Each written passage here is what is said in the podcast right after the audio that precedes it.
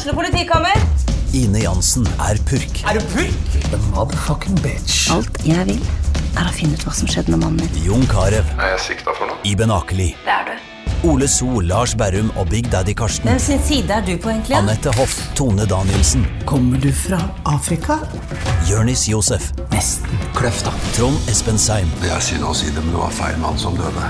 Purk. Premiere tirsdag på TV2 Play.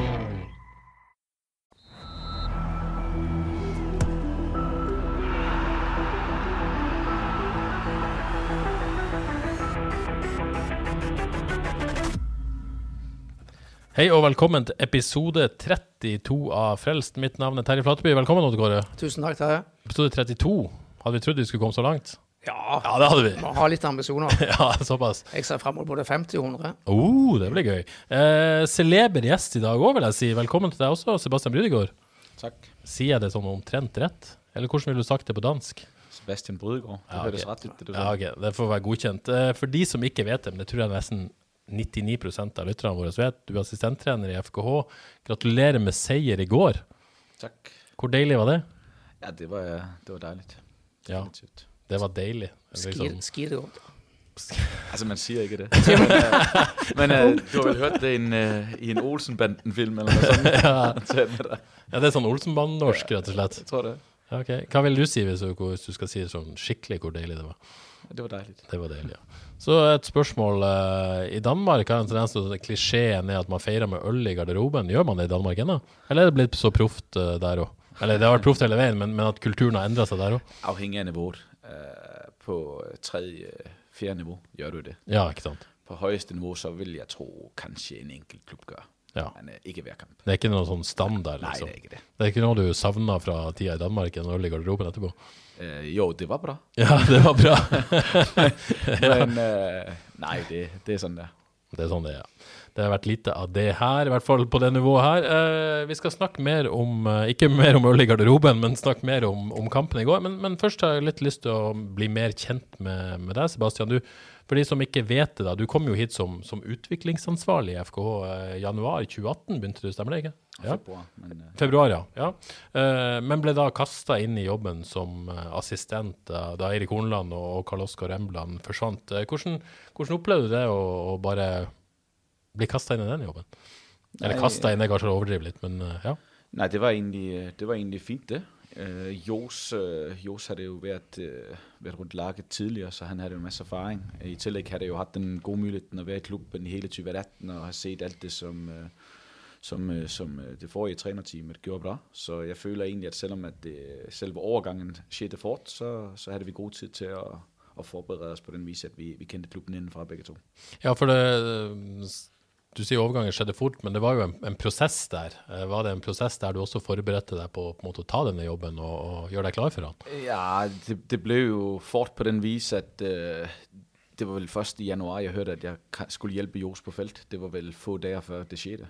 Uh, eh, så på den vis var det fort, men vi fikk jo så muligheten til å starte opp med trening med laget, innen at beslutningen blev truffet permanent. Så på den vis hadde vi litt tid å gå og vurdere hverandre og, og muligheden og perspektiverne, men øh, selve indgangen på, til træningen første dagen, det, det var fort, fordi de stod jo første øgt. Ja, det husker jeg en legendarisk økt i Storhall Karmøy der. Så det var vel egentlig den dag, det blev besluttet, at vi skulle tage dagen etterpå. Ja, ja.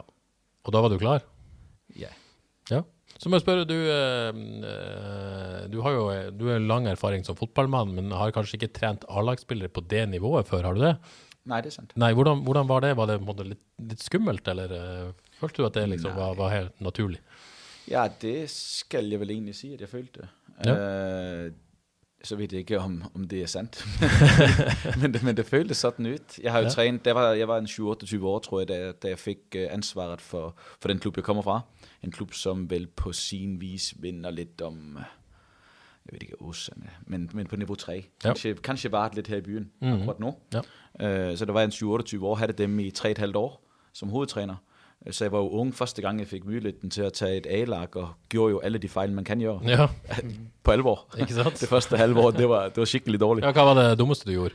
Øh, at tage en, øh, en kamp med, øh, med kaptajnen øh, efter to hygger. Ja, du tok feil. Fordi han ikke gjorde tingene ret, øh, rent fagligt, men øh, rent, øh, ledelsesmæssigt var det kanskje ikke ret, for jeg tog det foran hele gruppen. Ja, ikke sant? Men, øh, men, men uh, unge og naiv, så, ja. så havde jeg en tro på, hvordan fodbold skulle spilles, og uh, vil den dag i dag sige, at fodboldfagligt var det ret, men ledelsesmæssigt var det ikke. Så jeg gjorde en masse fejl, men, Ja. ja. men det lærer man af.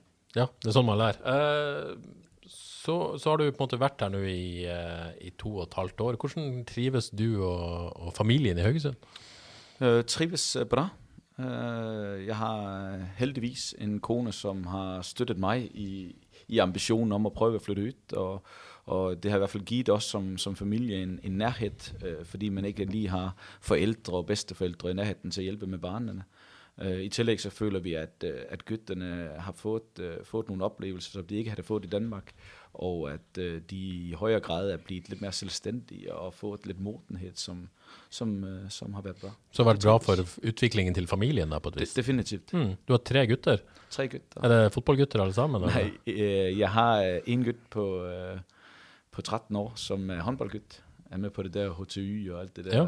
styret der. Mhm. Øh, så har jeg en gut på 9, som ligger ukulele og, og billedkunst. Ja. og så har jeg en gut på 6, som er startet med fodbold. Ja, men så kjekt da med variasjon, at ikke alle ja. Ja, det er helt sandt. Ja. Nej, det er, jeg ved ikke, om det er min fejl, eller om det er bra. I virkeligheden, så tror jeg, det er en god ting. Billedkunsten og ukulele, kommer det fra din kone, eller kommer det fra, fra deg? Øh, nej, ingen af os. Nej. Øh, men jeg tror, at Anja, sin, øh, sin morfar, Ja. var kreativ, så kanskje det kommer Ja, derfra. kanskje. Kan jeg spørre, jobber hun her i byen, eller? Hun har, øh, hun har jobbet med, med barnehage og skole Ja, og sådan. ja. Så hun trives hun også og har funnet seg til rette? ja, hun trives. Øh, synes det hun har fået nogle gode veninder, så Ja. det, det er et godt udgangspunkt. Så har jeg jo lagt merke til på Facebook, det er jo på Facebook man ser at du- dere skal selge huset deres i Danmark. Er det et tegn på at du er kommet for å bli? Ja, det vil tiden jo vise. Det, jeg har kontrakt ud øh, 21, så det er, det er jo ikke bare mig, som skal bestemme. Nej. Men, øh, men vi trives som sagt, og i tillæg så, øh, så vi har erkendt, at det er vanskeligt at være husejer i Danmark, øh, når man bor heroppe og, og leger det ud til, øh, til folk, som man ikke lige kan hjælpe i hverdagen. Så søsteren min har boet i det sidst, og det har været bra, men nu skal hun flytte, øh, hun har købt et hus, og så, så måtte vi træffe en beslutning. Så forhåbentlig kommer jeg ud herfra, og så kan faktisk forhåbentlig i dag eller morgen signere salget. Så, vi det er jo. Odd Kåre, vi elsker jo å reise Danmark på ferie. Tror du hvis du hadde bodd i Danmark, kunne du helt ha tenkt deg å flytte til Norge? Eh, ja, altså Jeg trives veldig godt i Norge, så jeg bor gjerne i Norge. Men hvor, hvor er du fra i Danmark, eh, Sebastian? Jeg kommer fra øh, 10 minutter ud forbi Odense. Okay. Du ved, den øen i midten, det er Fyn. Vanligvis så kører man hen over den, men det er en, en ganske stor ø, så 10 minutter ud forbi Odense. Hvordan har barna begynt å snakke norsk nå, eller? Øh, mindstegutten snakker norsk, Ja. det, det vil jeg sige. I hvert fald for mig høres det norsk. Ja. øh, og den ældste gut også. Ja. Øh, han, den midterste, han snakker dansk. Er det litt rart, eller? Øh, nej, de snakker jo dansk til. Ja, ikke sant, de snakker så, så på den vis er det fint, men, det er, men de er flinke. De er flinke. Flinkere end jeg er. Ja, men så bra. Eh, det å komme til, til Haugesund og til Norge og fr- fra Danmark, da, var, det en, var det en stor overgang som kulturelt? Øh, både og. Altså, det er jo trygt øh, på den vis, at øh, der er et velfærdssamfund, hvor at der er kontrol på skole, barnehage, institutioner. I virkeligheden så har vi vel oplevet, at det norske system var endda bedre end det danske. Det er jo vores subjektive opfattelse, men det har vi oplevet. Øh, så på den vis har det været trygt og fint. Men der er forskel på, på mentalitet og kultur, det er der. Det oplever man. Øh, men men øh, sådan overordnet set har det været trygt og fint. Ja, hva vil du se er de største forskjellene sånn på, på det? Som fodboldtræner oplever du, når du det første år jobbede jeg jo med akademiet, øh, der oplever du i Danmark, at der, er- de unge mennesker har enormt mange spørgsmål og kommentarer, og du skal argumentere, og du skal diskutere. Øh, I Norge, i hvert fald her, dem jeg har trænet, de har haft en helt anden øh, loyalitet og, og mentalitet i forhold til at gøre jobben. Så man hører på autoriteter på et vis i større Ja, grad? det kan du eller? sige, jeg tror det. Uh, og det har været en enormt uh, mulighed i spiludviklingen, vil jeg sige, fordi du, du kan for alvor gøre en forskel. Og så kan du kanskje miste noget i forhold til den refleksion omkring selve spillet. Ja, for det, det å ha spørsmål og sånn, det vil jo tro at de må være veldig bevisst sin egen rolle hvis man, man spør. Ja, det, og og, sånn. og der vinder du noget og taber noget. Og uh, det er jo så der, hvor vi, uh, også, nu er der jo nye danskere i akademiet også, Ja. prøver at, at bidrage med, med vores erfaring, uh, men, uh, men uh, definitivt et stort potentiale mm. i den mentaliteten, den viljen til at jobbe hardt for at nå målene sine. Mm. Det, det er et godt udgangspunkt. Men sånn som blant eh, folk flest, da, er det stor forskjell på dansker og nordmenn sånn eh, Nej, jeg synes, nordmænd er enormt hyggelige. Ja. Uh, det har jeg oplevet. Uh, så det, det har været bra. Uh, kanskje... Men det er jo også, hvilket miljø du tri, uh, mø, mø, kommer ind i, tror jeg. Men mit indtryk er, at i, i, uh, i Danmark uh, er der flere danskere, der tager første steg, tror jeg. Men når du først er kommet ind på livet af nordmænd, så er de enormt tykkelige og snille, og så er der en tendens i Danmark til lidt mere mødekultur, tror jeg. I Norge, der ligger man lidt bedre, det er lidt uformelt. Mm. Så der, der er nogle forskelle på den vis også, men, mm. øh, men generelt masse hyggelige folk. Så litt reservert, men når man først kommer inn, så er det fint. det er mit indtryk. Ja. Mm. Eh, korona, har det gjort noe med at du har vært mindre hjemme, mindre, eller har det ikke vært tid uansett? Nej, modsat. Jeg Ja. havde jo permitteringsperiode, så jeg Ja, har ikke haft så mye tid med familien Ja. min. Uh, så det var, det var faktisk fantastisk. Ja. Det var øh, jo ikke fantastisk økonomisk, men Nej. uh, sådan familiært var det helt enormt. Vi Ja. ja. havde jo tid til at gå ture i, i naturen og, og Mm. nytte den del og nytte andre, så det var faktisk en, en enorm oplevelse, en rent familiært. Ja. Ja. At jeg så selv mistrives med det der, jeg, jeg ligger og, og går på job og mærker, at jeg udvikler mig. Mm. Mm. Så jeg måtte lægge en tidsrum på dagen, hvor jeg kunne Mm. nørde fodbold og analysere og gøre det, jeg Ja, nu ja, trives ja. med også. Men, men nej, det var egentlig bra den del. Så er det klart, siden serien startede, så har det været travlt. Ja. Men, øh, men øh, det trives jeg nu også med. Så. Men har dere hatt anledning til å reise hjem til Danmark i denne tiden, eller har det Nei. vært mindre av det? Nej, ingenting. Jeg har ikke vært hjemme siden Nei. mars da, eller egentlig? Øh, siden jul. Siden jul, ja, så lenge. Øh, men jeg, jeg er jo hjemme her. Ja, jo, jo, ok. Jeg har ikke været i Danmark siden. Vært- ja, det er, Øh, er, ikke, er det ikke det lenge, jeg holdt på å si det? Jo, enormt. Jeg havde Ja. besøg en, en uge her familien i, i sommer. Mm. Øh, de rejste op her, men, men vilkårene er jo nu, at der som vi rejser til Danmark, så, så må du tilbage i, i karantæne. Så det er vanskeligt med, med job og, og skole og sådan. Mm. Hvordan du si noe om hva du savner mest med, med Danmark? Øh, Martin. Maten, ja. Ja, jeg synes øh, ærligt, øh, maten i Norge, for det første, øh, for det første er det lidt dyrere, føler jeg. Ja. Ja. Men det er sikkert, fordi jeg er lidt nær i natur. Men, øh, men øh, mere det der med specialmat, specialiteter. Ja, små Ja, delikatessebutikker. der, der er ikke og- samme tilgang Nej. på det i supermarkeder, som der er i Danmark. Jeg tror, det kan hende, det er fordi, det skal importeres længere fra, eller hvad det er, men, men det er vanskeligt at få tag i. Sånne små danske lunsjsteder. Det, det så jeg danskene i Bodø-Glimt savnet òg. Et Jo, bare- københavnsk eh, lunsjsted i Bodø. Også bare når du går ind på et supermarked og skal købe specialprodukter. Ja, ja. der er ikke samme udvalg her. Nei, det er ikke det. Men eh, vi i Norge har jo sånn Bayer og røde pølser i Danmark, men det er litt mer enn det. Det er en klisjé, er det ikke det? Det er en kliché. Ja. Men, øh, men det er jo ikke fejl det med, at hvis du går på kamp i Danmark, så får du en pils, og du får en pølse. ja. Men det er du glad i. Du liker det? Danskere liker det. Dansker liker det. Men det gjør jo vi òg, Kåre. Det gjør meg veldig bra. Ja, det er veldig bra. Jeg var på fotballkamp i Tyskland, fikk øl og kotelett, så det var ikke feil det hele. Så alle sine kulturer. Det var steget over, faktisk. Ja, nei, kotelett i rundstykke anbefales. Eh, så må jeg spørre, er, eh, hadde jo Christian Grindheim her på besøk i forrige uke, så da, da kommer egentlig, han påstår jo du var, han har kastet deg ut av Haugar da. Ja, Som det det- er ikke fejl det. Jeg startede jo som, øh, som hovedtræner der, men øh, så var der oprør, og Christian han tog rollen min. Så det det er nok også en god beslut. Ja, og eh, der kommer dagens første lytterspørsmål da, fra Bjørn Helge Aas. Eh, han lurer på om det er mest utfordrende å trene FKH eller å trene Vard eh, gutter 6. Definitivt gutter 6. Ja. Definitivt. Uh, i, i, med A-laget, der kan du jo sætte op en øgt Ja. og, og gennemføre den øgten. Udfordringen med gutter 6 er jo, at du har en plan, indtil du ikke har den længere. Ikke sant? Og det varer fem minutter. Ja, så der må det, det, er det er jo en, en, først og fremmest en pædagogisk job. Men Ja. jeg trives med det, og synes det er godt. Ja, ja, for du er rett og slett hovedtrener for det. Nej, ditt øh, sønns vi er, vi er, øh, vi er to øh, primærtrænere, jeg og en som hedder Alf. Mm. Øh, og vi, øh, vi står for træningen sammen, sådan så at hvis jeg har afbud eller forfald, så, så er han der omvendt. Ja. Er, det, er det vanskelig på en måte å Du er på en måte vant til å være der oppe og så ta deg ned der, sånn pedagogisk, liksom? Hmm, jeg troede det, men Ja. ja. det er egentlig ikke det. Du skal Nej. huske, jeg kommer jo fra en klub, hvor jeg har været vant med at gøre alt muligt, så jeg har jo været akademichef og barnetræner er og ungdomstræner, så jeg har jo prøvet det før, men det er egentlig, øh, det er egentlig tjek det også, Ja. men, øh, men det er noget andet. Og Kåre, du har jo på mange ulike nivåer òg. Kanskje ikke på Eh. FKH-nivå, men Uten sammenligning for øvrig. Men, men eh, hva nivå spilte du på selv? Hva type fotballspiller var du, Sebastian? Jeg, øh, på ungdomsniveau har jeg spillet på højeste niveau.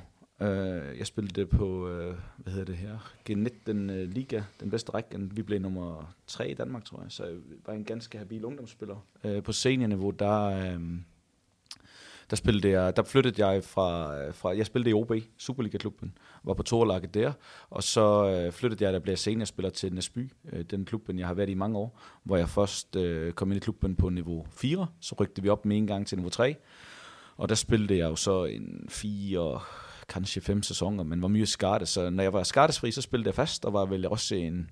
jeg- vil gå så langt som at sige, at jeg var en god andre divisionsspiller. Men øh, da jeg kanskje skulle have taget steget op, der var jeg for mye skadet, så jeg prioriterede at blive træner i stedet. Ja.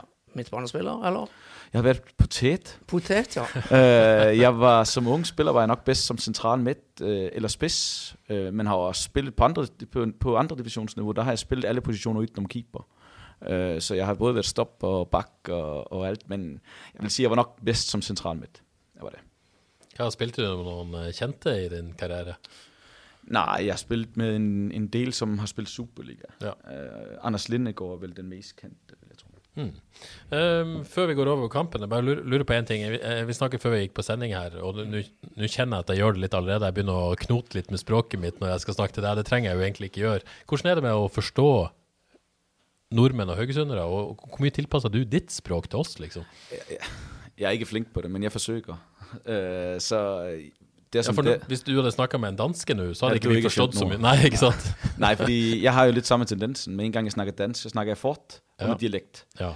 Uh, nu forsøger jeg at sætte tempoet ned og snakke lidt mere tydeligt og prøve at tage til mig de ordene, som jeg ved, det er der stræber med at skjønne. ja. Men uh, så er det jo op til det, der siger, om det er der skjønner noget som helst. Jeg skjønner alt du sier, så det er jo sjokkerende nok. Men får du mye tilbakemeldinger fra, fra venner i Danmark eller familie som hører, hører deg snakke, at du snakker rart? Ja, det, det gør jeg. Ja. Ja. Vi er faktisk hele familien. Øh, Mest med, at man bytter ud enkelt ord, men også ordstillingen. Ja. I Norge er jo helt ulik. Ja. Og, øh, og du pludselig, pludselig har du ændret på nogle ting der. Men, øh, Men det blir vel nesten som to forskjellige språk for deg? At du, du bytter nesten om sånn med en gang du snakker med noen fra Danmark, eller mikser du det opp? jeg ser på gutterne mine, bliver det sådan. Ja. Altså, de har jo et norsk sprog og et dansk Ja. ja. sprog. For min del, jeg har jo ikke to sprog. Jeg har jo et potetsprog på en eller anden vis, hvor det sådan er blandet sammen. Men, men øh, jeg tror, havde jeg kommet fra et land som øh, Polen eller et andet land, hvor sproget var helt ulikt, så havde jeg nok haft to sprog. Ja. Men nu, så er jeg jo nok lidt doven i forhold til at sige, jeg ved jo, folk skjønner, hvad jeg siger, så jeg tager sant. de ord, jeg må, og så udenom det, så klarer jeg mig på dansk.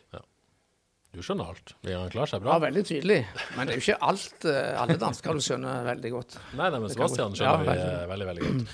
Glimrende, Sebastian. Skal vi snakke litt om, eh, om kampen i går? Viktig og deilig seier, vil jeg tro. Men hvor, hvor viktig var det egentlig å få denne trepoengeren nå, og, en- og en god prestasjon, ikke minst? Ja, det sidste... Altså, du kan sige, på tabellen var pointene jo vigtigst. Men vi trængte en god præstation. Det gjorde det definitivt. Jeg synes, at hele udgangspunktet var egentlig, at vi i sidste uge følte, at vi havde en god øh, træningsuge. Og det vil også sige, at da vi ligesom evaluerede den og snakkede i forhold til kampen, så havde vi en følelse af, okay, øh, man kan ikke, altså jeg var på en sponsorfrokost på, på fredagen, og stod og snakkede med dem, og det var tydeligt at mærke, at de ønskede, at jeg skal sige, nu går vi ud og vinder. Ja. Og det er jo vanskeligt, for du ved aldrig, det er jo, det, fodbold er jo kompleks på den vis, at der er både et medspil og et modspil. Men det vi havde, det var en god følelse i forhold til en god træningsuge. Vi havde følt, at vi selv truffet spillerne i forhold til lidt mere med mentalitet, men også øh, primært i forhold til den træningsdelen, øh, bygget det op fra bunden igen. Være tilbage i, i, i, i de simple strukturer, øh, få defineret dem, sikret også, at, at spillerne føler sig trygge på aftalerne, og det tror jeg er et godt udgangspunkt for at få den tryghed, de trænger for at slippe energien lidt mere løs på, på søndagen. Mm. Så, så, så på den vis følte vi, at vi havde et godt udgangspunkt, og så er det klart, at, at øh, når vi så evaluerer på kampen i går, så er, det, så er vi jo fornøjet med at se, at vi var solide. At vi trængte det efter den startkampen, øh, og også fire mål mod, mod, øh, mod Ott. Øh, så at vi klarer spillet til 0, det er, det er et stort stik.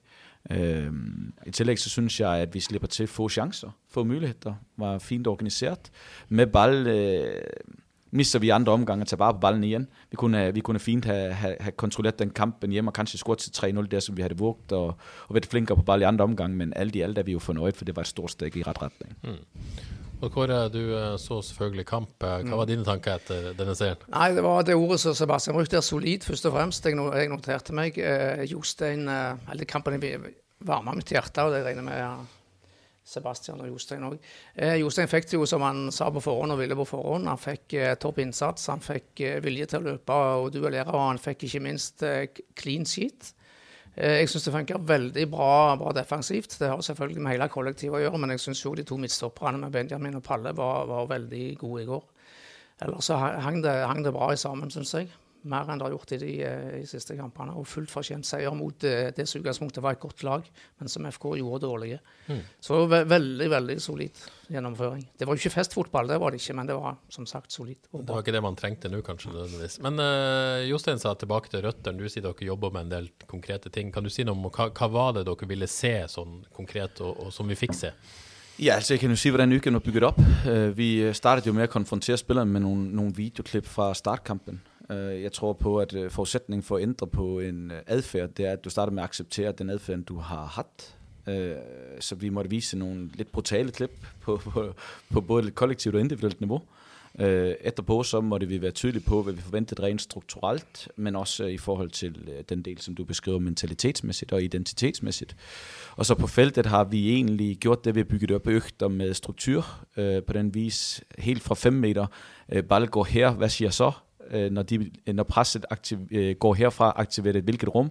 øh, helt ned på det niveau. Øh, set i forkant, at øh, Sapsborg i deres 3-4-3 slap mye rum til på, på øh, den 3 mod 2 situation, vi har i midten med, øh, med Kevin Thor og Bruno. Så vi vidste, at der skulle blive rum der, og, og synes egentlig også, at Kevin i stor del af kampen uh, tager vare på det rumme på en, på en bra måde. Så der var en del uh, i forkant i forhold til den strukturen på at kunne, kunne, kunne få Sapsborg lidt ud af, af deres fine mønstre i, i presspillet deres, og så uh, i, i defensiven uh, få tydeliggjort de presaftaler, som ligger både i det lave pres, men også hvilke aftaler, som, som starter presset. Så, så det, var, det var ned på et strukturelt og, og aftalemæssigt niveau, men, men når du stræber lidt, som vi har gjort de sidste kampe, så, så må du starte der og få den soliditet i bund, og så kan du øh, feste etterpå. Ja, ikke sant? Ja. Og det som var litt uh, forbedring fra den tidligere perioden her med dårlige kamper, det var at de var solide og gode gjennom hele kampen. Det har vært en del kamper med, gode 30 minutter, dårlige 60 minutter, god første omgang, dårlig andre omgang, eller motsatt. Men nå var det ikke solide og jevne over 90 minutter, følte jeg. Men jeg tror Jostein var inne på det intervjuet med oss etter kampen i går, at det har vært en del, del restarter denne sesongen. Det har vært flere av de. Eh, man har både, ikke, ikke, både strukturelt og for så vidt altså med litt spillestil, litt endringer. Litt, altså flere ganger man er nødt til å ta det helt ned og bygge det opp igjen. Er det din, din opplevelse òg, at dere har på en måte gjort denne runden mange ganger? Ja, for mange ganger. Ja, ikke sant? Ja, det, skulle si, det, det, det, det skjer jo sikkert og til, men, men det har skjedd ja, ganske tungt, mange fordi ja. du, Det kræver en masse energi og masse jobbing, fordi du må ligesom starte forfra. Du, du bruger mye energi og tid på at analysere de sidste kampene for at visuelt kunne vise spillerne, hvad det er, vi skal gøre, og så går du på felt og skal, skal jobbe med, med struktur og også med detaljer. Når det er så sagt, så er der også noget tjekt med det. Altså på den vis, at du får lov at, at jobbe for pengene dine. Du får ikke lov bare at flytte, som vi gjorde lidt på høsten sidste år. Så på den vis, så er det en, en, en fodboldfaglig og ledelsesmæssig spændende udfordring. Men, men øh, det har det været mere gøj at få den udfordring i flyt, end at, end at få den i modgang. Men øh, det, det er nogle gange vilkårene i år i en sæson, som vil ikke bare for vores del er præget af, af corona, men også for en del andre, en del andre lag, ser vi. Så, så, ja, så det er nok bare et vilkår. Hvorfor tror du det er sådan, at dere er nødt til at på måte starte på nyt så mange Ja, jeg tror, det, det handler om uh, den uh, permittering og, og coronaperioden i forkant. Jeg tror, det var helt ret for klubben sin del at permittere rent økonomisk. Det, det tror jeg uh, ikke der er noget spørgsmålstegn rundt, men rent sportsligt var det jo vanskeligt, for vi fik ikke ligesom den der flyt ind mod sæsonstart. Øh, vi fik ikke sat de strukturer. Vi, vi havde jo øh, Sondre og Martin sidste år, som, var, som blev to centrale spillere i høsten, og vi fik aldrig helt sat en struktur uden dem i optøringen. Og så, så må du gøre det i sæson, og så bliver det lidt hakket, og det ser vi også fra andre lag. Du ser de lag, som nu Bodø et ekstremt eksempel, jo, men, men de jobbede jo med struktur og mønstre, vil jeg tro, gennem hele øh, coronaperioden, hvor vi andre, vi, øh, vi jobbede individuelt. Og du ser, at øh, i sæsonen her har de været mye mere en maskineri, hvor vi andre har måtte ja, genstarte en del gange. Så, så det kan hende, det er en del af forklaringen. Jeg ved ikke, om det er alt, men det, det er nok en del af den. Når man da må gå tilbage til start så mange gange, hvis man slipper det, så får man jo videreudvikle ting. Mister man noget også med at gå tilbage til start så mange gange? Ja, du vinder noget, og du taber noget. Ja. Det du, jeg er jo i udgangspunktet drevet af udvikling. Jeg har jo lyst på at få, få noget til at se over tid, det bliver bedre og bedre, og så ved man, der vil altid være modgang, men, men over tid skulle det gerne samlet set blive bedre. Øh, der kan man sige, rent strukturelt, rent spillestilsmæssigt, har det ikke været sådan et år, desværre. Indtil videre har vi måttet, øh, måtte bygge lidt fra, fra nye flere gange, og det vil sige, vi har aldrig helt skabt den flyt, vi gjorde på høsten i fjor. Øh, men det du får nogle gange også, det er, at du får, får udfordret og set spillerne i, i modgang. Hvem er det, som, som evner at tage det stikket? Hvem er det, som, øh, som øh, egentlig gemmer sig, når det er, at de får den modgangen? Øh, det samme med også lytte forbi barnen. Vi er, jo, vi er jo i samme situation. Du kan gemme dig, eller du kan våge på tage på dig ansvar i den situation. Øh, og i tillæg så... Øh, i tillæg så får du nogle gange nogle spillere som blomstrer, som du ikke havde tænkt blomstret, fordi de får nogle muligheder, de ellers ikke havde fået. Så på den vis, så vinder du noget, og du taber noget, men øh, vi skulle jo, skulle jo selvfølgelig helst have haft en, en, en sæson som Bodø, hvor vi bare havde flyttet hele vejen. Det er jo det, man jobber mod, men, øh, men sådan har det desværre ikke været.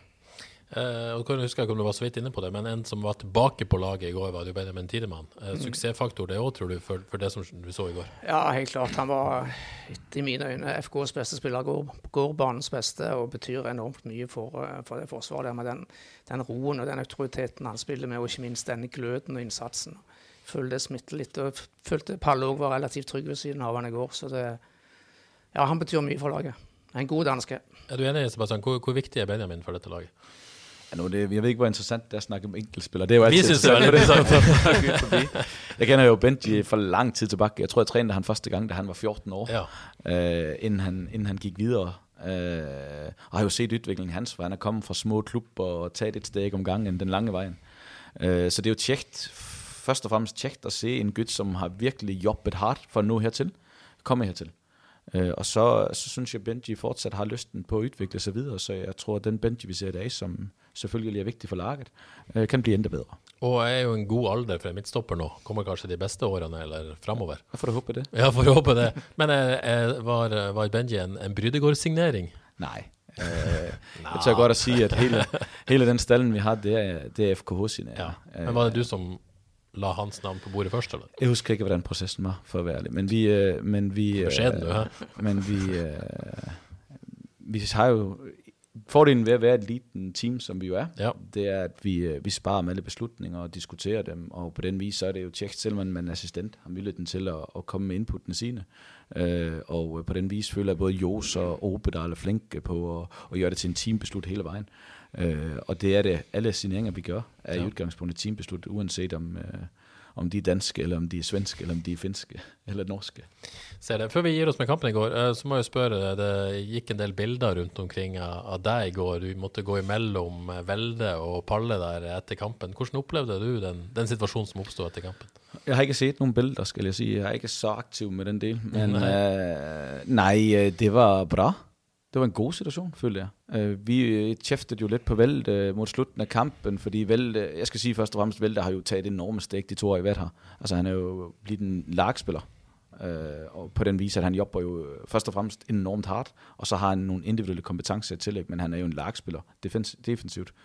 Øh, og øh, vi tæfter lidt på ham, fordi han har en enorm kapacitet, men han ender op med at bruge mange kræfter på at springe efter en bak, frem for bare at falde med en gang, og så kontrollere han. Så kan han slippe at springe i, i, på maksfart. Øh, så det var derfor, vi var efter han. Og det, som er tjekt i etterkant af kampen, det er jo, at du mærker på både Palle og Velde, at selvom vi vinder kampen, så de fortsat en ambition om at blive bedre. Så det er jo det, det handler om. Det handler om, at de to har en diskussion om, hvordan bliver vi endda bedre, hvor Palle har et input, og Velde har et andet input, og det, det synes jeg, vi skal tåle. Så at jeg skulle lægge mig mellem dem, den, den genkender jeg ikke helt. Øh, Det handler lidt mere om at sige til dem, at den diskussion, den tager vi i morgen, men det er tjek, den er der. Ja, for, det, for det, man, man vil jo ha en viss temperatur, men går det noen ganger for langt på et vis? Nå ble jo veldig mye fokus etter en seier mot Sarpsborg, som skal være positivt på, på, på akkurat dette. Øh, Okay. Ja, det, det, Jeg har ikke, jeg har ikke set det, som sagt. Så for min del har jeg været så forskånet for den del, at jeg fortsat bare føler, at det handler om sejren, og det Ja, steg, vi tog ja. rent, øh, rent øh, strukturelt og i forhold til at se solid ud. Men det kan hende, øh, andre har det fokus, jeg ved ikke det. Det er ikke noget, som fylder hos mig. Nei, men, men en spiller som Kristoffer Welde, da, som, som har så mye talent og vil så mye, men samtidig har det temperamentet, da, som handler det om å bruke det godt? Ja, Ja. det er jo det. Og det, det klarer du ikke alltid, men, men det blir, føler du at det blir bedre? Ja, men jeg tror, at alle, som har fulgt Velde, øh, og sikkert også før jeg har kendt han, kan se, hvor enorme steg den gut tager. Øh, og så må vi leve med, at der er noget personlighed. Det er jo tjekt. Øh, og så er det hans udfordring og vores udfordring i lag at finde ud, hvordan bruger vi den energi og den drivkraften, han har i sig selv øh, på, på en bedst mulig vis. Men, øh, men som jeg sagde tidligere, jeg var drevet af udvikling, og det er jo tjekt det op med en gut, som har lyst på at blive bedre. Ja. Vil du legge til noe, Kåre? Eh, Ja, jeg vil legge til noe. Kristoffer Welde har tatt store steg, sier Sebastian. Det har vi jo sett alle. Jeg kan nevne at eh, av 26 mål som FK har skåret i år, så har han nå syv mål og syv in direkte eller indirekte assist. Altså 14 mål har han vært involvert i av 26. Ja, det, er ganske enormt, det. Det er enorme tall. Det viser hva, hva jobb han har gjort for FK i år. Definitivt, og i tillæg er det jo tjekt at vide, at han har mere inde. For det er jeg overbevist om, han ja. har. Så det er, det, er, det er noget, vi jobber på, og han jobber på. Så det, er- det er bare at glæde sig til, for, til fortsættelsen. Mm. Og fortsettelsen, hvor, hvor, etter den seieren i går, eh, hvordan, hvor tenker du at situasjonen for, for dere er med, med tanke på det som skal skje slutten av sesongen og, og faren for nedrykk? da? Jamen, jeg ved ikke. Jeg, der er jo nogen, der trives med melankoli. Ja. og, og, og drive tingene lidt ned på bakken. Og, det, altså, jeg, triv, jeg er jo en optimist. Ja. på godt og vondt.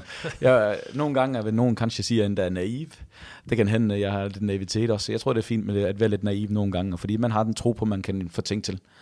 Øh, så, så al den der snak om tabel og, og nedryk og alt det, altså jeg tænker først og fremmest handler det om at, at få gode øgter. Det havde vi sidste uge. Det gav os et mye bedre udgangspunkt for at vinde kampen mod Sapsborg, end hvis vi havde trænet dårligt. Så det er nu fokus ind mod Vikingkampen. Så er jeg en tro på, at hvis laget kommer ud og, og har den soliditet i bunden og den indsats i bunden, som vi havde i går, så skal vi klart konkurrere med alle. Og, og det er jo udgangspunktet. Så har vi ni kamper igen, og så skulle det overraske mig, om vi ikke er klar at plukke det point, vi skal, når der er spillet de ni kamper, hvis vi præsterer sådan.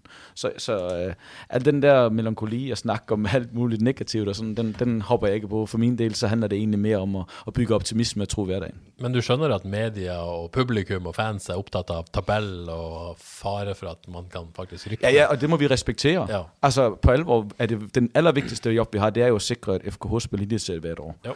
Øh, at jeg så og andre også har en, en, en tilgang, der hedder, at vi har lyst til mere end det, øh, det er vel bare bra.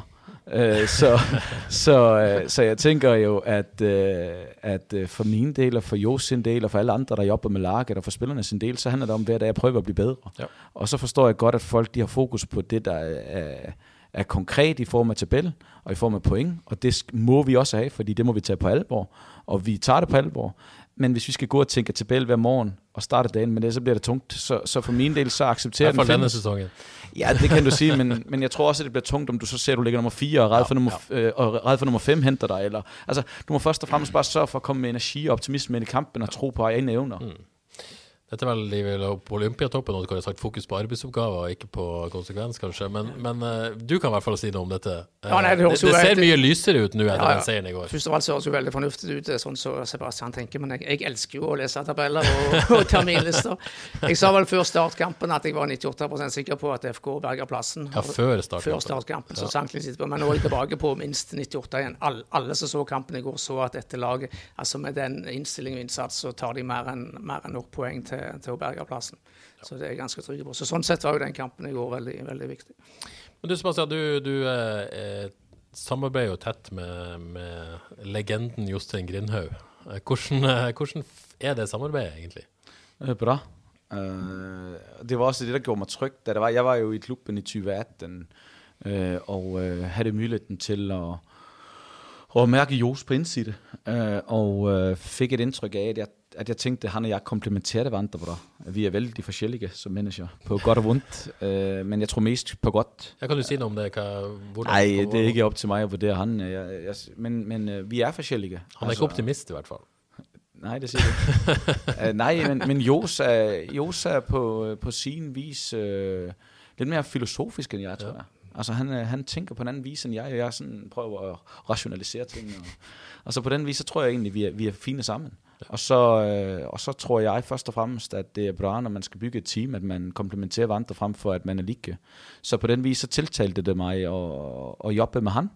Øh, og så har vi jo i tillæg andre folk i teamet, øh, som Esben Schister eksempelvis, som jo er en helt anden type, og, øh, og andre gode folk. Så, så på den vis, så føler jeg, at det, det egentlig er et fint team, man har sat, øh, sat i lag. På den vis, vi komplementerer hverandre, og rent socialt har jo så har det fint i lag, så nej, det er fint. Men det virker jo som du, du styrer mye, mange økter på, på Haugebanen. Du, det er du som er aktiv under kamp.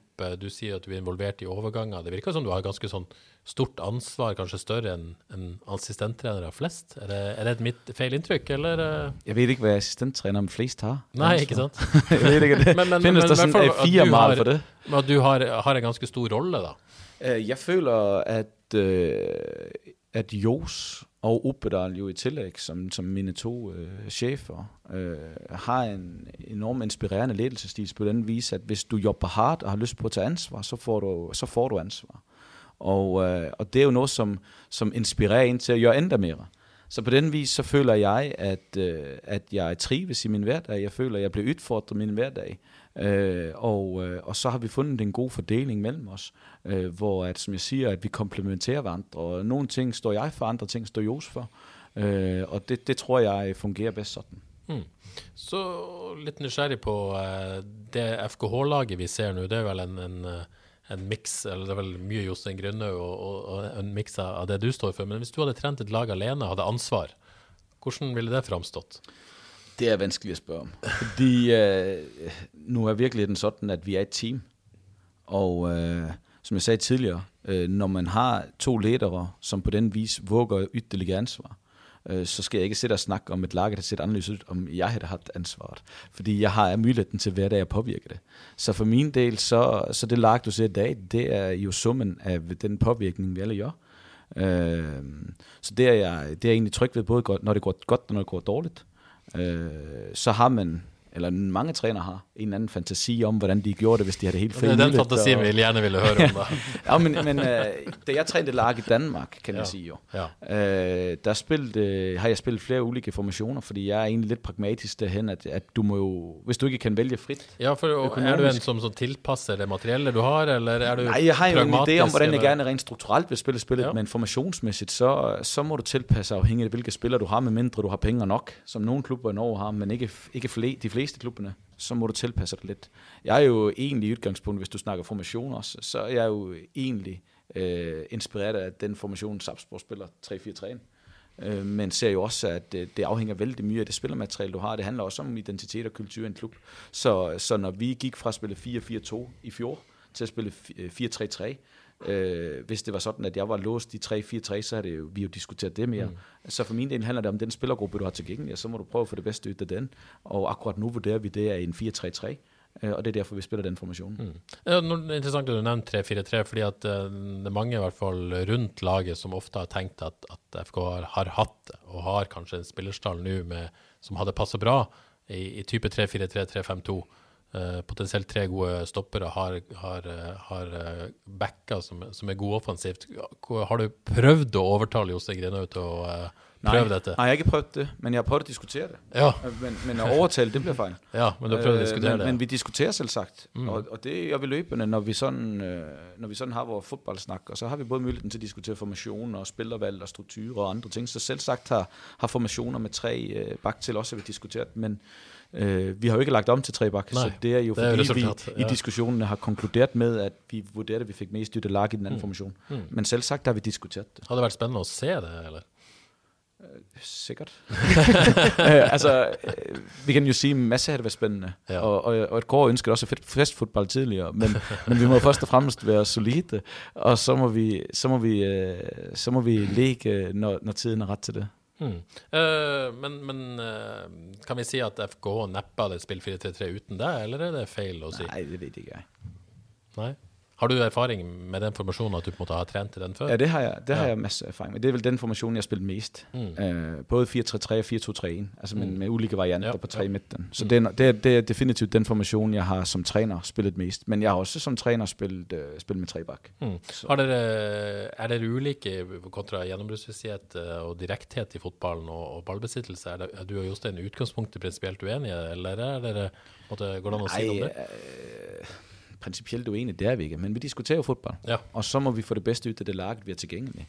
Uh, vi diskuterer også, så skal vi bygge et lag rent strukturelt på principper eller på mønstre, mm. det er jo også en diskussion. En ting er så, at du prioriterer rum, men skal du så sætte en princip om, at det går i det rum, eller skal du have et mønster, der tilsiger, at ballen går derhen fra den spiller? Ja. Så, så er der masse fodbold. Det er så automatiseret uh, bevægelse. Ja, du prøver jo det. Mm. Men samtidig, som jeg siger, at så må vi også erkende, at det, det så, har jo ikke set sådan nyt mod start eksempelvis. Så, så du, du kan jo tro, at nu er du på ret vej, og så må du acceptere, at du bliver slået tilbage til start, og så starter du fra. Ja. Så, så, så, øh, så ja, du prøver at automatisere det. Det vi har gjort den uke her, det er jo som sagt at synliggøre de mønstrene igen, og de aftalene igen i presspillet. Mm. Eh, et sannsynlig scenario er nå at eh, FK har berga plassen når det er tre-fire-fem serierunder igjen. Eh, de siste kampene, vil dere da bruke de til eksperimentering? Har dere tenkt så langt? Nei. nei. Var det et nei? Vil ikke, eller ikke tenkt så langt? Uh, jeg har ikke tænkt så langt. Nej, ikke tænkt så langt. Uh, jeg skal være ærlig og sige, at akkurat nu, som jeg sagde tidligere, først og fremmest må vi sørge for at have gode træningsøgter, og vi må sørge for at bygge gode præstationer i kampene. Og at jeg skulle begynde at tænke, at om seks kampe er vi bærket, så nu skal vi... Ej, det, det, det er sådan, vi kan sætte her og tænke. Klarer du at sætte dig ind i situationen, da? Fire kamper igen, og så pladsen er berget? ja, men jeg, jeg liker heller ikke det med at, at eksperimentere for at eksperimentere. Um, så, så nej, det kan jeg ikke se for mig, men jeg kan se for mig, at vi øh, hele vejen er nysgerrig på, hvordan vi får mest ud af laget. Det kan jeg se.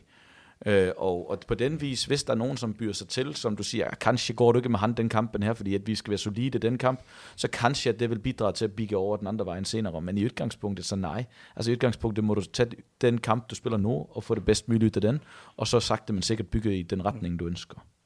Men øh, sådan, Så jeg tror ikke, bare lige for at gøre den færdig, jeg tror ikke, du ser et lag med fire kampe igen, der spiller 3-4-3, og så kampen etterpå, kampen etterpå spiller 3-5-2, og så 4-3-3 i den sidste kampen for at teste ud, hvad der var bedst. Ja, det tror jeg okay. ikke. Odd Kåre vil helst se 4-2-4.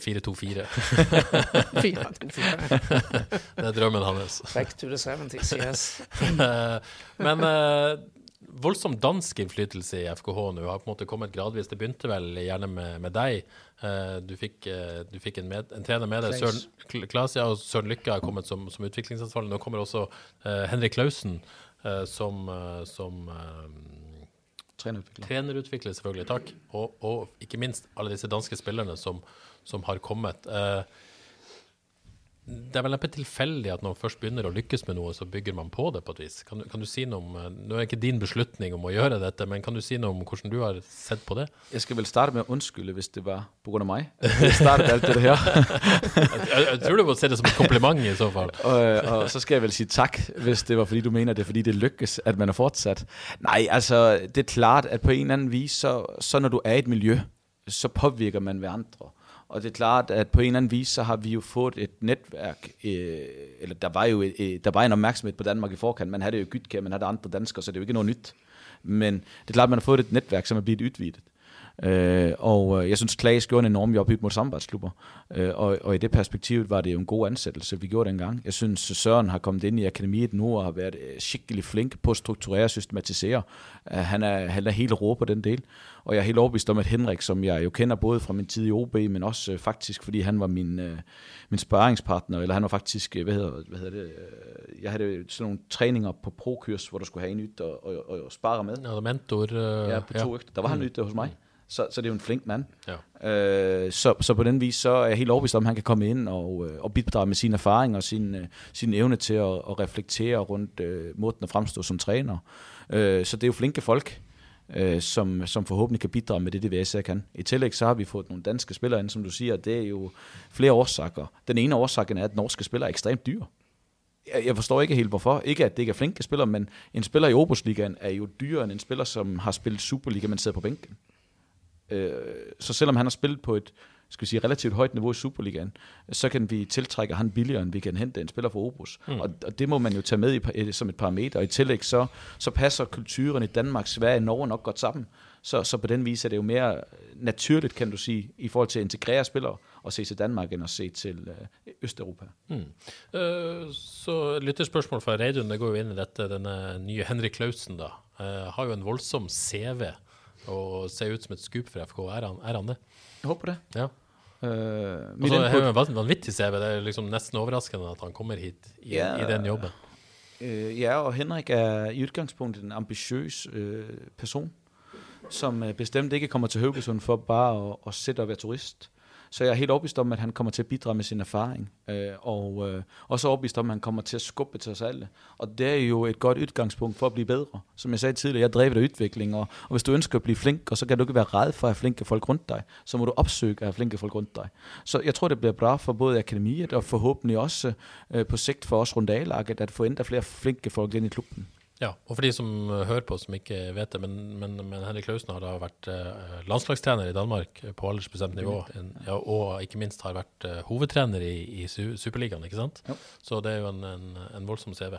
Eh, så noe litt annet, men likevel samme tema. Eh, dansker i FKH. Kjenner du historien eh, til disse danskene som har vært her tidligere? Kjenner du til det? Altså Jakob Sørensen, Ja, ja. eh. Christian, ja, Ja, ja. Gytkjær og Ja, jeg, inden jeg kom op her, så gjorde jeg jo øh, et forarbejde. Ja. Øh, både på, på kulturen, øh, på landet generelt, og prøvede også at sætte dem lidt ind i klubben, sin spillestil, og, og hvilke danske spillere, som havde været her. Og så, så jeg har gjort et forarbejde, men jeg kender sikkert ikke, hvis der findes nogen interne historier. det, det gør jeg sikkert ikke. Nei. Vi diskuterte før sending her, Odd Kåre, hvem som var tidenes beste danske i FKH. Eh, konkluderte du med noe? Eh, det er i hvert fall fire stykker som jeg vil si har vært en stor suksess. Ja.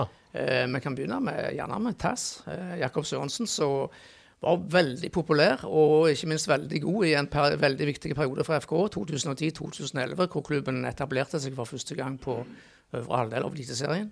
Da var han veldig viktig spiller. Eh, og selvfølgelig Christian Gutskjær, som skjøt, FK til bronse i 2013. Han skåret, var vel toppskårer i to-tre sesonger. selvfølgelig. Han er vel, Vi må vel rangere Gud på topp, tenker jeg. Eh, Foreløpig kanskje Jakob Sørensen som nummer to i konkurranse med Benjamin Tidemann, som er i ferd med å vokse seg inn i FK-historien. Og så syns jeg òg Mikkel Desler har vært, definitivt har vært en suksess i FK. Ja, så Så to, de, de, de fire skiller seg litt ut. eh, Så har vi jo fått noen nye nå. Så kanskje, Ja, så kan jeg sige, Patrick Olsen var vel også her. Ja, han er og jo han- en god fodboldspiller. Altså, han, øh, han er jo blevet en god Superliga-spiller. Mm. Så, så der findes jo også andre, som, Det som var jo udvikler sig en videre. siden meget de kom. spennende signering når han kom med en, med en bra CV.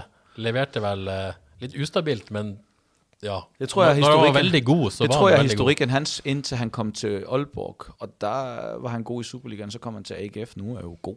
Ja. Og det er en god spiller. Jeg minner om jeg husker lite av det han presterte i FK. Så vi altså. han til og med i studio her. Han var jo en ja, litt småcocky midtbanespiller med en fantastisk CV. Hadde jo vært i Inter, blant Stemmer annet, og ja. sikkert fast på aldersbestemte landslag. Og så har karrieren litt, ikke gått helt veien, men eh, holdt på imaget, følte jeg. Ja, og stemme. eh, spilte vel noen eh, gode kamper, veldig gode kamper. Ble vel henta til Sveits, tror jeg, hvis jeg ikke husker rett, etter FK-karriere. Før han kom hjem til Danmark og sikkert stab- stabiliserte Jeg seg tror, der. han har, det er vist først, jeg vil tro de sidste to-tre årene her, der skete mye. Mm.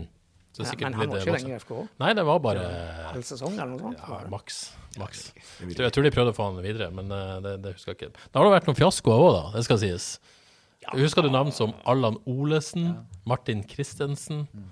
eh, Søren Christensen var OK. ja. Han var ganske god. Henrik Schildentoft òg var jo OK. Ja, men han mista plassen på et eller annet tidspunkt der til Kristoffer Alseid, og det syns jo jeg var greit, må jeg si. Men sånn er det. Du kan ikke, være, kan ikke lykkes med alle, da. Men, eh, men eh, er det lov å si at Mikkel Desler var bedre i fjor enn i år? Er du enig i det? Tør du si det? Det ved jeg ikke, om jeg er enig i. Nei, nei. Men jeg synes, hele laget var bedre i fjor. Det er sant, så det på. helhed, så, så Mikkel var bedre i fjor. Altså, jeg synes, øh, det er klart, at når vi spiller på et lag, som vi spillede i fjor, som sprudler Ja. i fjor høst, øh, når du så har de offensive kvaliteter, Mikkel har, så kan du i højere grad blive sat i scene. Men jeg synes, det er at negligere Mikkel sin præstationer, om du taler den ned i år, fordi Mikkel har været, øh, synes jeg, flink også defensivt til at, at bidrage til, at, at vi faktisk har vel 7-8 kamper til 0. Ja. Altså, vi har jo sluppet ind et hav af mål, og alt for mange mål. Men hvis du ser på statistikken, er det jo specielt fire kampe, hvor det bare rendt ind. Det er et godt poeng. Øh, og øh, utenom det, så, øh, så er vi forhåbentlig i gang med at stabilisere os igen. Det får vi håpe. Eh, jeg slår et slag for Christian Gytje som tidenes beste danske FK, hvis noen lurer på det. Til og med på landslaget nå har han vært fast. eh, ja, lykkes jo veldig godt i Polen. Er vel nå i serie B. Monza. Monza, ja. Men fortsatt på landslaget. Det er en prestasjon. At han har, Ja, måtte, han er ute av jeg hadde ikke landslaget trodd at han nå. Han er ute akkurat nå. Ja, OK. Men i, i. Ja. I løpet. Vi kan jo nevne at Fredrik Gutje òg har vært der. Kloppen Absolutt. han var vel òg OK. Var vel vanskelig å leve opp til, til storebror der.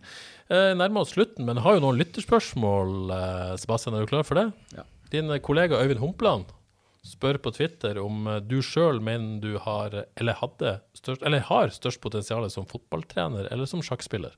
Ui. Øh, jeg jo en beslut, da jeg var 13-14 år, om jeg skulle blive fodboldspiller. Om det var ret, det var det jo nok ikke. Jeg blev jo ikke fodboldspiller. Men du, du jeg fikk var en ganske flink på det tidspunkt. På Ja. det tidspunkt var jeg jo i top 5 på, jeg er fra, 94, eller fra 84, og i 83-84 kullet, der, øh, der var jeg top 5 og spillede jo med de voksne og var ok flink. Men det er klart, når du bliver 14 år, så må du træffe en beslut, fordi dem jeg spillede mod i fodbold, de trænede pludselig fem gange i ugen, og dem jeg spillede mod i sjakk gjorde det samme. Ja. Så jeg fik ikke begge deler til. ikke begge deler. Nej. Har du angret på det valget gang? Nej. Fikk en karriere i fotballen? Nej, men... Jo, men altså, som, du Jamen, jeg hadde forstår kanskje ikke det, hatt en men- trenerkarrieren uten Men jeg er sådan som menneske også. Altså, jeg- jeg gør en masse fejl. Som jeg sagde tidligere også, som fodboldtræner har jeg gjort masse fejl. Men jeg prøver hele vejen at lære. Ja. Øh, og øh, det tror jeg er et godt udgangspunkt. I stedet for at, at, se tilbage og angre, så hellere se tilbage og have lært, og så, så våge næste gang at træffe en beslut igen, baseret på din erfaring, men også øh, det, du tror på. Ja. Torgeir Katla lurer på hva du tenker om bruken av kunstgress, altså den utstrakte bruken av kunstgress i Norge, og om, om dette er en utfordring for norsk fotball. Det har jeg ingen holdning til, for at være helt ærlig. Altså, jeg, jeg tror både og, kan man sige det? I Danmark ser jeg, at der er to klubber, som øh, på, på højeste, næsthøjeste nu, Nordsjælland og Silkeborg, som, som har fået kunst. Og øh, de har bygget spillestilen deres øh, efter det.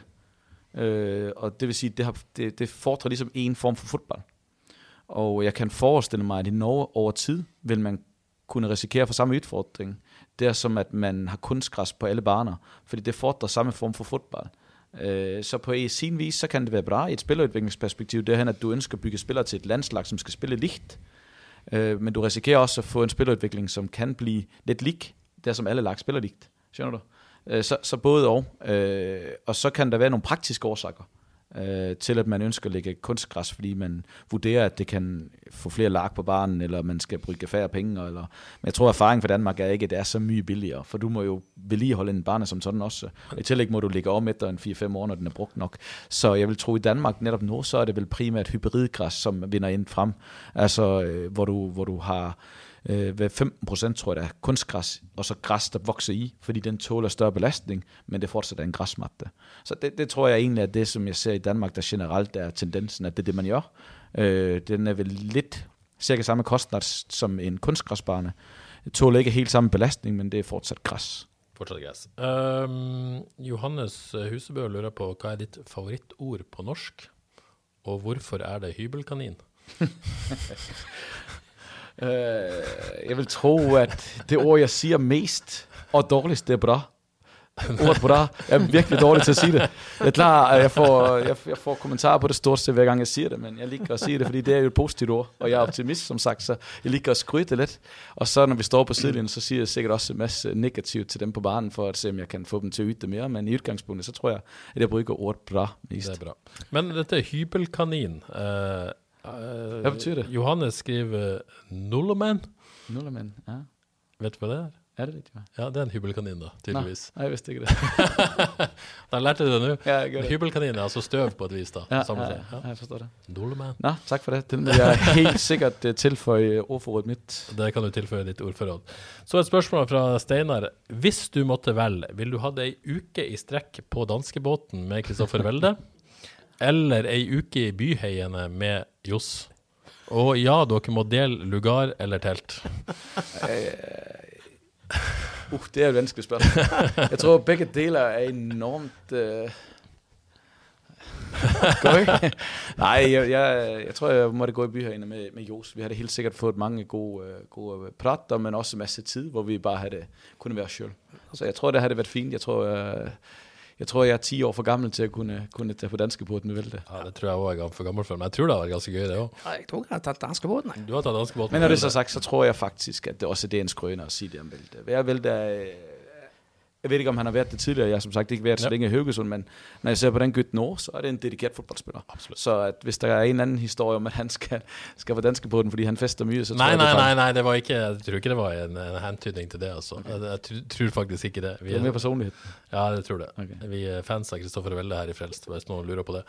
Eh, Ronny Krygård spør eh, om du kunne tenkt deg å ta over som hovedtrener i FKH hvis om Jostein Grenauer. Det er jo et hypotetisk spørgsmål. Det er det. Uh, og uh, i udgangspunktet så tænker jeg, det er ret uaktuelt også. Uh, både Jos og jeg har kontrakt ud næste år, så i udgangspunktet bliver det jo et nej. Uh, fordi som det ser ud nu, så, så håber jeg, at Jos fortsætter, fortsætter længe. Jeg tror, det er bra for klubben, og jeg tror også, at han er den rette mand. Uh, om det er ret for mig at fortsætte efter 2021, det er jo ikke bare mig, som skal afgøre det, det er også klubben. Så øh, Ronny, jeg må, må desværre sige, at til dit hypotetiske spørgsmål, så kan, så kan jeg ikke øh, give noget øh, entydigt svar, fordi det er som sagt er hypotetisk, og akkurat nu, så er både Jose og kontrakt 21, men i udgangspunktet, så tror jeg, at klubben har den helt rette øh, hovedtræner. Det kan jeg sige. Det er godt. Men da passer det med dette spørsmålet fra Håvard Øvrebø, så lurer jeg på hva er det mest irriterende med Jostein Grenauer. Mest irriterende, det er, at vi skal trokke. det, det kan jeg sige. Det, det er, øh, han går enormt op i den øh, træningsbane, og kampbane er god. Og jeg skønner han, fordi det er en god forudsætning, eller det er en afgørende forudsætning for at få gode øgter og, og spille god fodbold i form af at kunne flytte ballen rundt på bakken. Men øh, jeg skal også være ærlig at sige, at jeg har haft masse skader i skulderen mine, fordi vi har gået både halve og hele timer på høggebanen efter øgterne, øh, også med kalde fødder og i regnen. Og, ja. så, så det mest irriterende er vel, at han tvinger os til at, eller han tvinger os jo ikke, men du mærker på han ligesom, at det betyder noget, at vi hjælper ham med at tråkke. ikke gjør det, så Nej, der kommer jo ikke nogen konsekvens, men du mærker bare på humøret hans, at du burde have gjort det. Jeg syns òg det er litt irriterende at Jostein Grenauer tråkking og står og venter på han etter trening, og så snakker man og så står han der og tråkker. Men nå har jeg lært at jeg tør å gå ut på matta der og snakke til han mens han tråkker. Det er faktisk greit. Han kan faktisk multitaske akkurat der. Ja, så det går faktisk bra. Eh, Vegard Snare, som tror jeg spiller i, eh, på akademiet i FK, muligens. G16, kanskje. Eh, han lurer på om du likte best jobben i akademiet eller nå på A-laget. Uf, det er nemt, til gengæld et vanskeligt spørgsmål. Jeg synes, det med, med A-lagstræner, det var, det var let, og på den vis, det er så hypotetisk og uaktuelt, fordi Jo, som sagt, er den rette træneren. Øh, I forhold til den anden del, så synes jeg, det er vanskeligt, fordi jeg trives enormt godt som akademichef. Jeg gjorde det. Jeg synes, det var øh, tjek, tjekt at komme ind i en klub, som havde så stort en potentiale, øh, med en masse flinke folk i forkant, som havde jobbet helt enormt hardt, men, men fortsat, hvor der var et potentiale på at kunne gøre mere, fordi man fik flere ressourcer og fordi man har det, øh, den region, man har i form af en masse brede klubber, som har lyst på at, at bidrage. Så, så, så jeg likte den job helt enormt. Jeg synes, det var nogle tjekke folk, der jobbede med i akademiet. Øh, masse flinke folk, men også øh, snille, gode folk. Øh, så er det en anden udfordring ved ved A-lagstræner, det er hen, at øh, du jobber mere isoleret med et lag, og få ydt det potentiale til de der 20-22 spillere, du jobber med. Øh, jobber hele vejen fra uge til uge ind mod næste kamp. Du ønsker selv sagt at få en udvikling over tid, men først og fremmest må du sikre dig, at du har en præstation i helgen. Så det, det er en helt anden udfordring, øh, både fagligt og, og menneskeligt. Øh, men hvis jeg, hvis jeg skal... Øh, jeg tror faktisk, jeg tror faktisk, jeg har enormt vanskeligt ved, ved at vælge, hvis jeg skal være ærlig. Jeg, jeg trives enormt godt i den akademi og, og kunne fint se mig jobbe med akademiudvikling igen en anden dag. Ja, det er godt å høre. Og så, eh, før vi gir oss, eh, dette er kanskje litt et spørsmål til deg. Vi må ikke glemme å gratulere Avaldsnes faktisk med en meget sterk seier på fredag, Odd Kåre. 3-1 mot Lillestrøm, eh, og definitivt i gullkampen der, altså. De har slått Lillestrøm to ganger denne sesongen. Fantastisk. Og nå er det så jevnt opp i toppen der at det, det er bare til å Alt kan skje, feste sikkerhetsbeltene og glede seg til fortsettelsen. men veldig gøy at de på en måte ser ut til å ta det steget og virkelig være i gullkampen. Ja, det, det er imponerende det Thomas Dahle og gjengen har fått til der ute i, eh, i år. De har virkelig skapt et, et lag. Det er jo ingen selvfølge at de skal ligge ett poeng bak gull når det er tre, tre kamper igjen. Sebastian, har- får du noen anledning til å følge med på dette i det hele tatt, eller? Øh, det jeg kan, prøver jeg at følge Mm. med i lokalfodbold. Mm. Jeg gør det. Både følge med på... Nu er der ikke så ma- mange kamper i breddefodbolden, der har været i år, men Nej. så prøver jeg at følge med både, øh, både på breddeniveau og på ungdomsniveau, og også på, på jentesiden. Øh, Det er klart, at jeg må... Det kan blive vanskeligt, når du har en familie at tillægge sig. Ja, det det. Men jeg har set kamper på tv med, Ja. med Arvaldsnes, øh, det har jeg, og, øh, og synes, jeg er helt enig med Gård, det er, det er tjekt at se, at de, de ser ud som om, de får det, får det til. Forhåbentlig de går hele vejen og, og kan tage hjem gyldet. Det er det, det, er det vel bra. Rosenborg borte neste år, den blir jo veldig veldig viktig og avgjørende. Jeg tror, jeg tror de må vinne de tre siste kampene for å ta gullet, men det, det kan de gjøre. Ja. Vard eh, gikk på en stygg smell hjemme mot Asker, og må vel, eller de må vel ingenting fortsatt. Det er andreplassen de kanskje sikter på, men, men viktig mot Bryne selvfølgelig på lørdag. da. Ja, den blir eh, veldig veldig viktig. Men de ligger tross alt på den andreplassen ennå. Men, det, men det virker, de virker litt slitne både, både mentalt og, eh, og litt hva skal jeg si, fysisk. Det er litt grann flatt batteri. Jeg tror, altså Vard er vel kanskje den minst, eh, minst profesjonelle klubben i, i andredivisjon, så jeg tror de Ja, det hørtes ikke så bra ut, men, men Nei, Men du for, mener at, altså, I forhold til å trene på dagtid, Ja, dagtid og Ja, sånne ja. ting, at de har litt dårlige forutsetninger, akkurat Ja. sånt. Ja. Så jeg tror de er litt slitne og bærer litt preg av akkurat det. Ja. Jeg tror, at det, for det første har de jo en enormt flink træner, dedikeret træner i Kolla. Jeg havde jo mulighed til at jobbe med han i 2018, så det er jo et godt udgangspunkt, fordi jeg ved, at han er flink, og han er dedikeret, og han er målrettet i tillæg. Øh, men jeg tror også, at man må snyde på den snakken der, for at være ærlig. Altså, øh, det var der gjorde i år, det er imponerende. Mm. Og øh, jeg tror, at det er vigtigt for Varder at, at tænke på og huske på, også folk rundt klubben, at, at de har ikke noget at være red for. Ja. Altså, den klubben der har præsteret over evne i forhold til økonomi og, og muligheder på den vis. Øh, Så frem for at være red for andre og hente dem ind igen, så tror jeg, at de skal nyde de sidste kampe. De har muligheden for at få den anden, andre pladsen. Kanskje hvis Bryne driter sig helt ud, den der første pladsen. Men den andre pladsen, det er, det er en stor præstation. ja, er de havnet litt i forsvarsposisjon nå? For de Jeg- burde egentlig være i ikke. angrepsposisjon. Nej, jeg ved ingenting Nej, om det det. Jeg hører bare snakken, for det er der to nu. Ja, ja, ja. Og sidder og hører sådan en snak om, at man, man snakker om, nu de at miste pladsen. ja. Jeg synes jo i udgangspunktet, de har præsteret enormt bra ved at komme på den pladsen. det vi helt og så, enige. så tror jeg, de skal nyde de sidste kampe, og den mulighed, der er for at spille, for at nå nord i, frem for at, som nogen kanskje havde spurgt i forkant af kamp, af sæsonen, og, og være red for at rykke ned. Nu er det jo en, en mulighed til at nå nord. Det, det, tror jeg, det tror jeg er vigtigt også i fortællingen rundt klubben. Uh, det, er, det er imponerende, det de har gjort i år, synes jeg. Ja, helt enig med Sebastian. Det viktigste for Vard nå er, er å nyte de siste kampene istedenfor å springe rundt med, med høye skuldre. Altså. Ingen, ingen grunn til å springe rundt med høye skuldre i ut Nyt som resten av en sesongen. eh, god inngang, det rett og slett. Og så, før vi gir oss helgas store fotballnyhet var vel kanskje at Eirik Hornland fikk seg ny jobb, og Ai, ai, Kåre også i eh, Brann som assistent til Kåre Ingebrigtsen. Eh, Fotballen er litt rar, er den ikke det, da? Jo, han er litt rar, men altså eh, Brann altså, Fins det en eh, mer interessant og større utfordring i, i norsk fotball enn å få, få Brann på skinnene? Nei. Å lage et topplag i Bergen. Og tenk på den temperaturen som allerede er mellom kampene, mellom, altså mellom FKH og Brann. Det blir, blir ikke mindre nå. Så det var helt strå- helt Altså, jeg må jo strålende. si jeg er litt overrasket, men samtidig syns jeg det er veldig kjekt å se, se Eirik tilbake i jobb, da, og, og gleder meg til å se han i aksjon. Ja, det gjør jeg òg. Ja. Så lykke, lykke til. Du Sebastian, var du overraska over at han eh, ville ta en, en sånn jobb? Nej, øh, det ved jeg ikke om jeg er. Jeg kender jo også bare Erik fra 20, 2018-sæsonen, og, og vi hadde en masse gode snakker øh, rundt fodbold, og det sætter jeg pris på. Øh, snakker fortsat med ham, når jeg, når jeg mødte ham senest på, på feltet på fredagen, var det vel. Vi stod og snakket lidt øh, også om den muligheden i, i Brand. Og øh, jeg tror, man må gøre det, man, man trives med. Jeg tror, man må gøre det, man har lyst på for at udvikle sig. Jeg tror igen, i forhold til snakken tidligere her, det bliver så fort fokus på, på, på image og titler og resultater og tabeller, for at sætte det hele i en kategori. Jeg, jeg tror først og fremmest, at du må se på, hvad skal der til for, at, øh, at man trives og at man udvikler sig. Og øh, hvis det er det, der, den udfordring, han føler er ret for han i forhold til at, at trives, men samtidig føler, at han kan, kan øh, udforske og udvikle et potentiale, så er det jo ret. Øh, Så, så for min del, så øhm, er det vanskeligt at vurdere, vurdere den, øh, den beslutning andet, end at det er det, der ligesom er motivationen hans. Du snakkede om et potentiale i brand, det er jo nok det samme, han ser. Eh, motivasjonen bør også FK, FK ha foran neste kamp. Det blir ikke kamp på søndag, utsatt til tirsdag borte mot eh, Viking i Stavanger. Og Kåre, det var en grei inngang å få den seieren i går, før de skal til Stavanger. Ja, det er jo alltid spesielt å møte, møte Viking. Nå har du slitt litt mot Viking de, de siste årene her, så det er på tide Ikke med minst i en cupfinale. ikke minst en cupfinale. Så er det på tide med, tide med seier mot Viking. Ja. Og jeg tror de har veldig gode muligheter, spesielt med det de lærte av kampen i går. Og som optimist, eh, Sebastian, så er du vel optimist foran denne kampen nå? Ja, altså som jeg sagde, øh, at jeg også havde sagt til sponsoren, jeg kan jo ikke ligge, jeg ligger ikke at spå om resultater, fordi det bliver så unuanceret.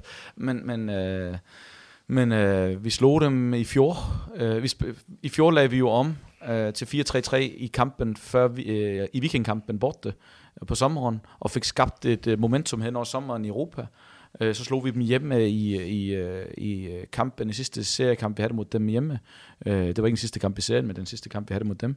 Øh, Og så tabte vi jo desværre til dem de sidste to kamper. Så det er vel også der har revanche til gode, og det er vel i udgangspunktet mentalt set et fint udgangspunkt, at vi, øh, vi kommer derned og cykne på og, og, og vise os frem og, og, og bringe 100%. Så jeg, jeg har en følelse af, at spillergruppen... Øh, Spillergruppen kommer til at få en masse gode øgter ind mod den kamp. Jeg kan mærke, at der er god energi i gruppen akkurat nu, og så skal vi gøre vores bedste.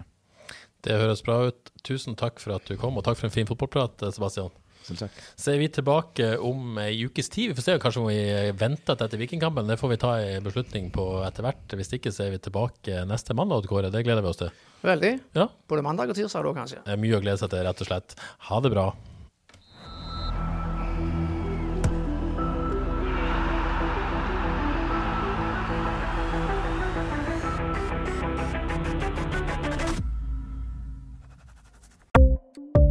Ukens annonsør er HelloFresh. HelloFresh er verdens ledende matkasseleverandør og kan være redningen i en travel hverdag. Mange av oss har nok vandret i butikken både sultne og uten en plan for middagen, som ender med at vi går for de samme kjedelige rettene gang på gang. Middag burde være dagens høydepunkt. Som HelloFresh kan du nå velge mellom 25 ulike retter hver eneste uke, eller få HelloFresh til å sette sammen menyen for deg. Dette gir deg muligheten til å prøve nye og spennende retter alene eller sammen med familien. Du velger antall porsjoner og får alt levert på døren på et tidspunkt som passer for deg. Oppskriftene er enkle, og maten er lett å lage både for store og for små. Ved å få alt levert hjem får du også mer tid til å dele matgleden med familie og venner. Kanskje det frister med asiatiske tacos eller greskinspirert kylling? Da kan jeg anbefale deg om å gå inn på hellofresh.no.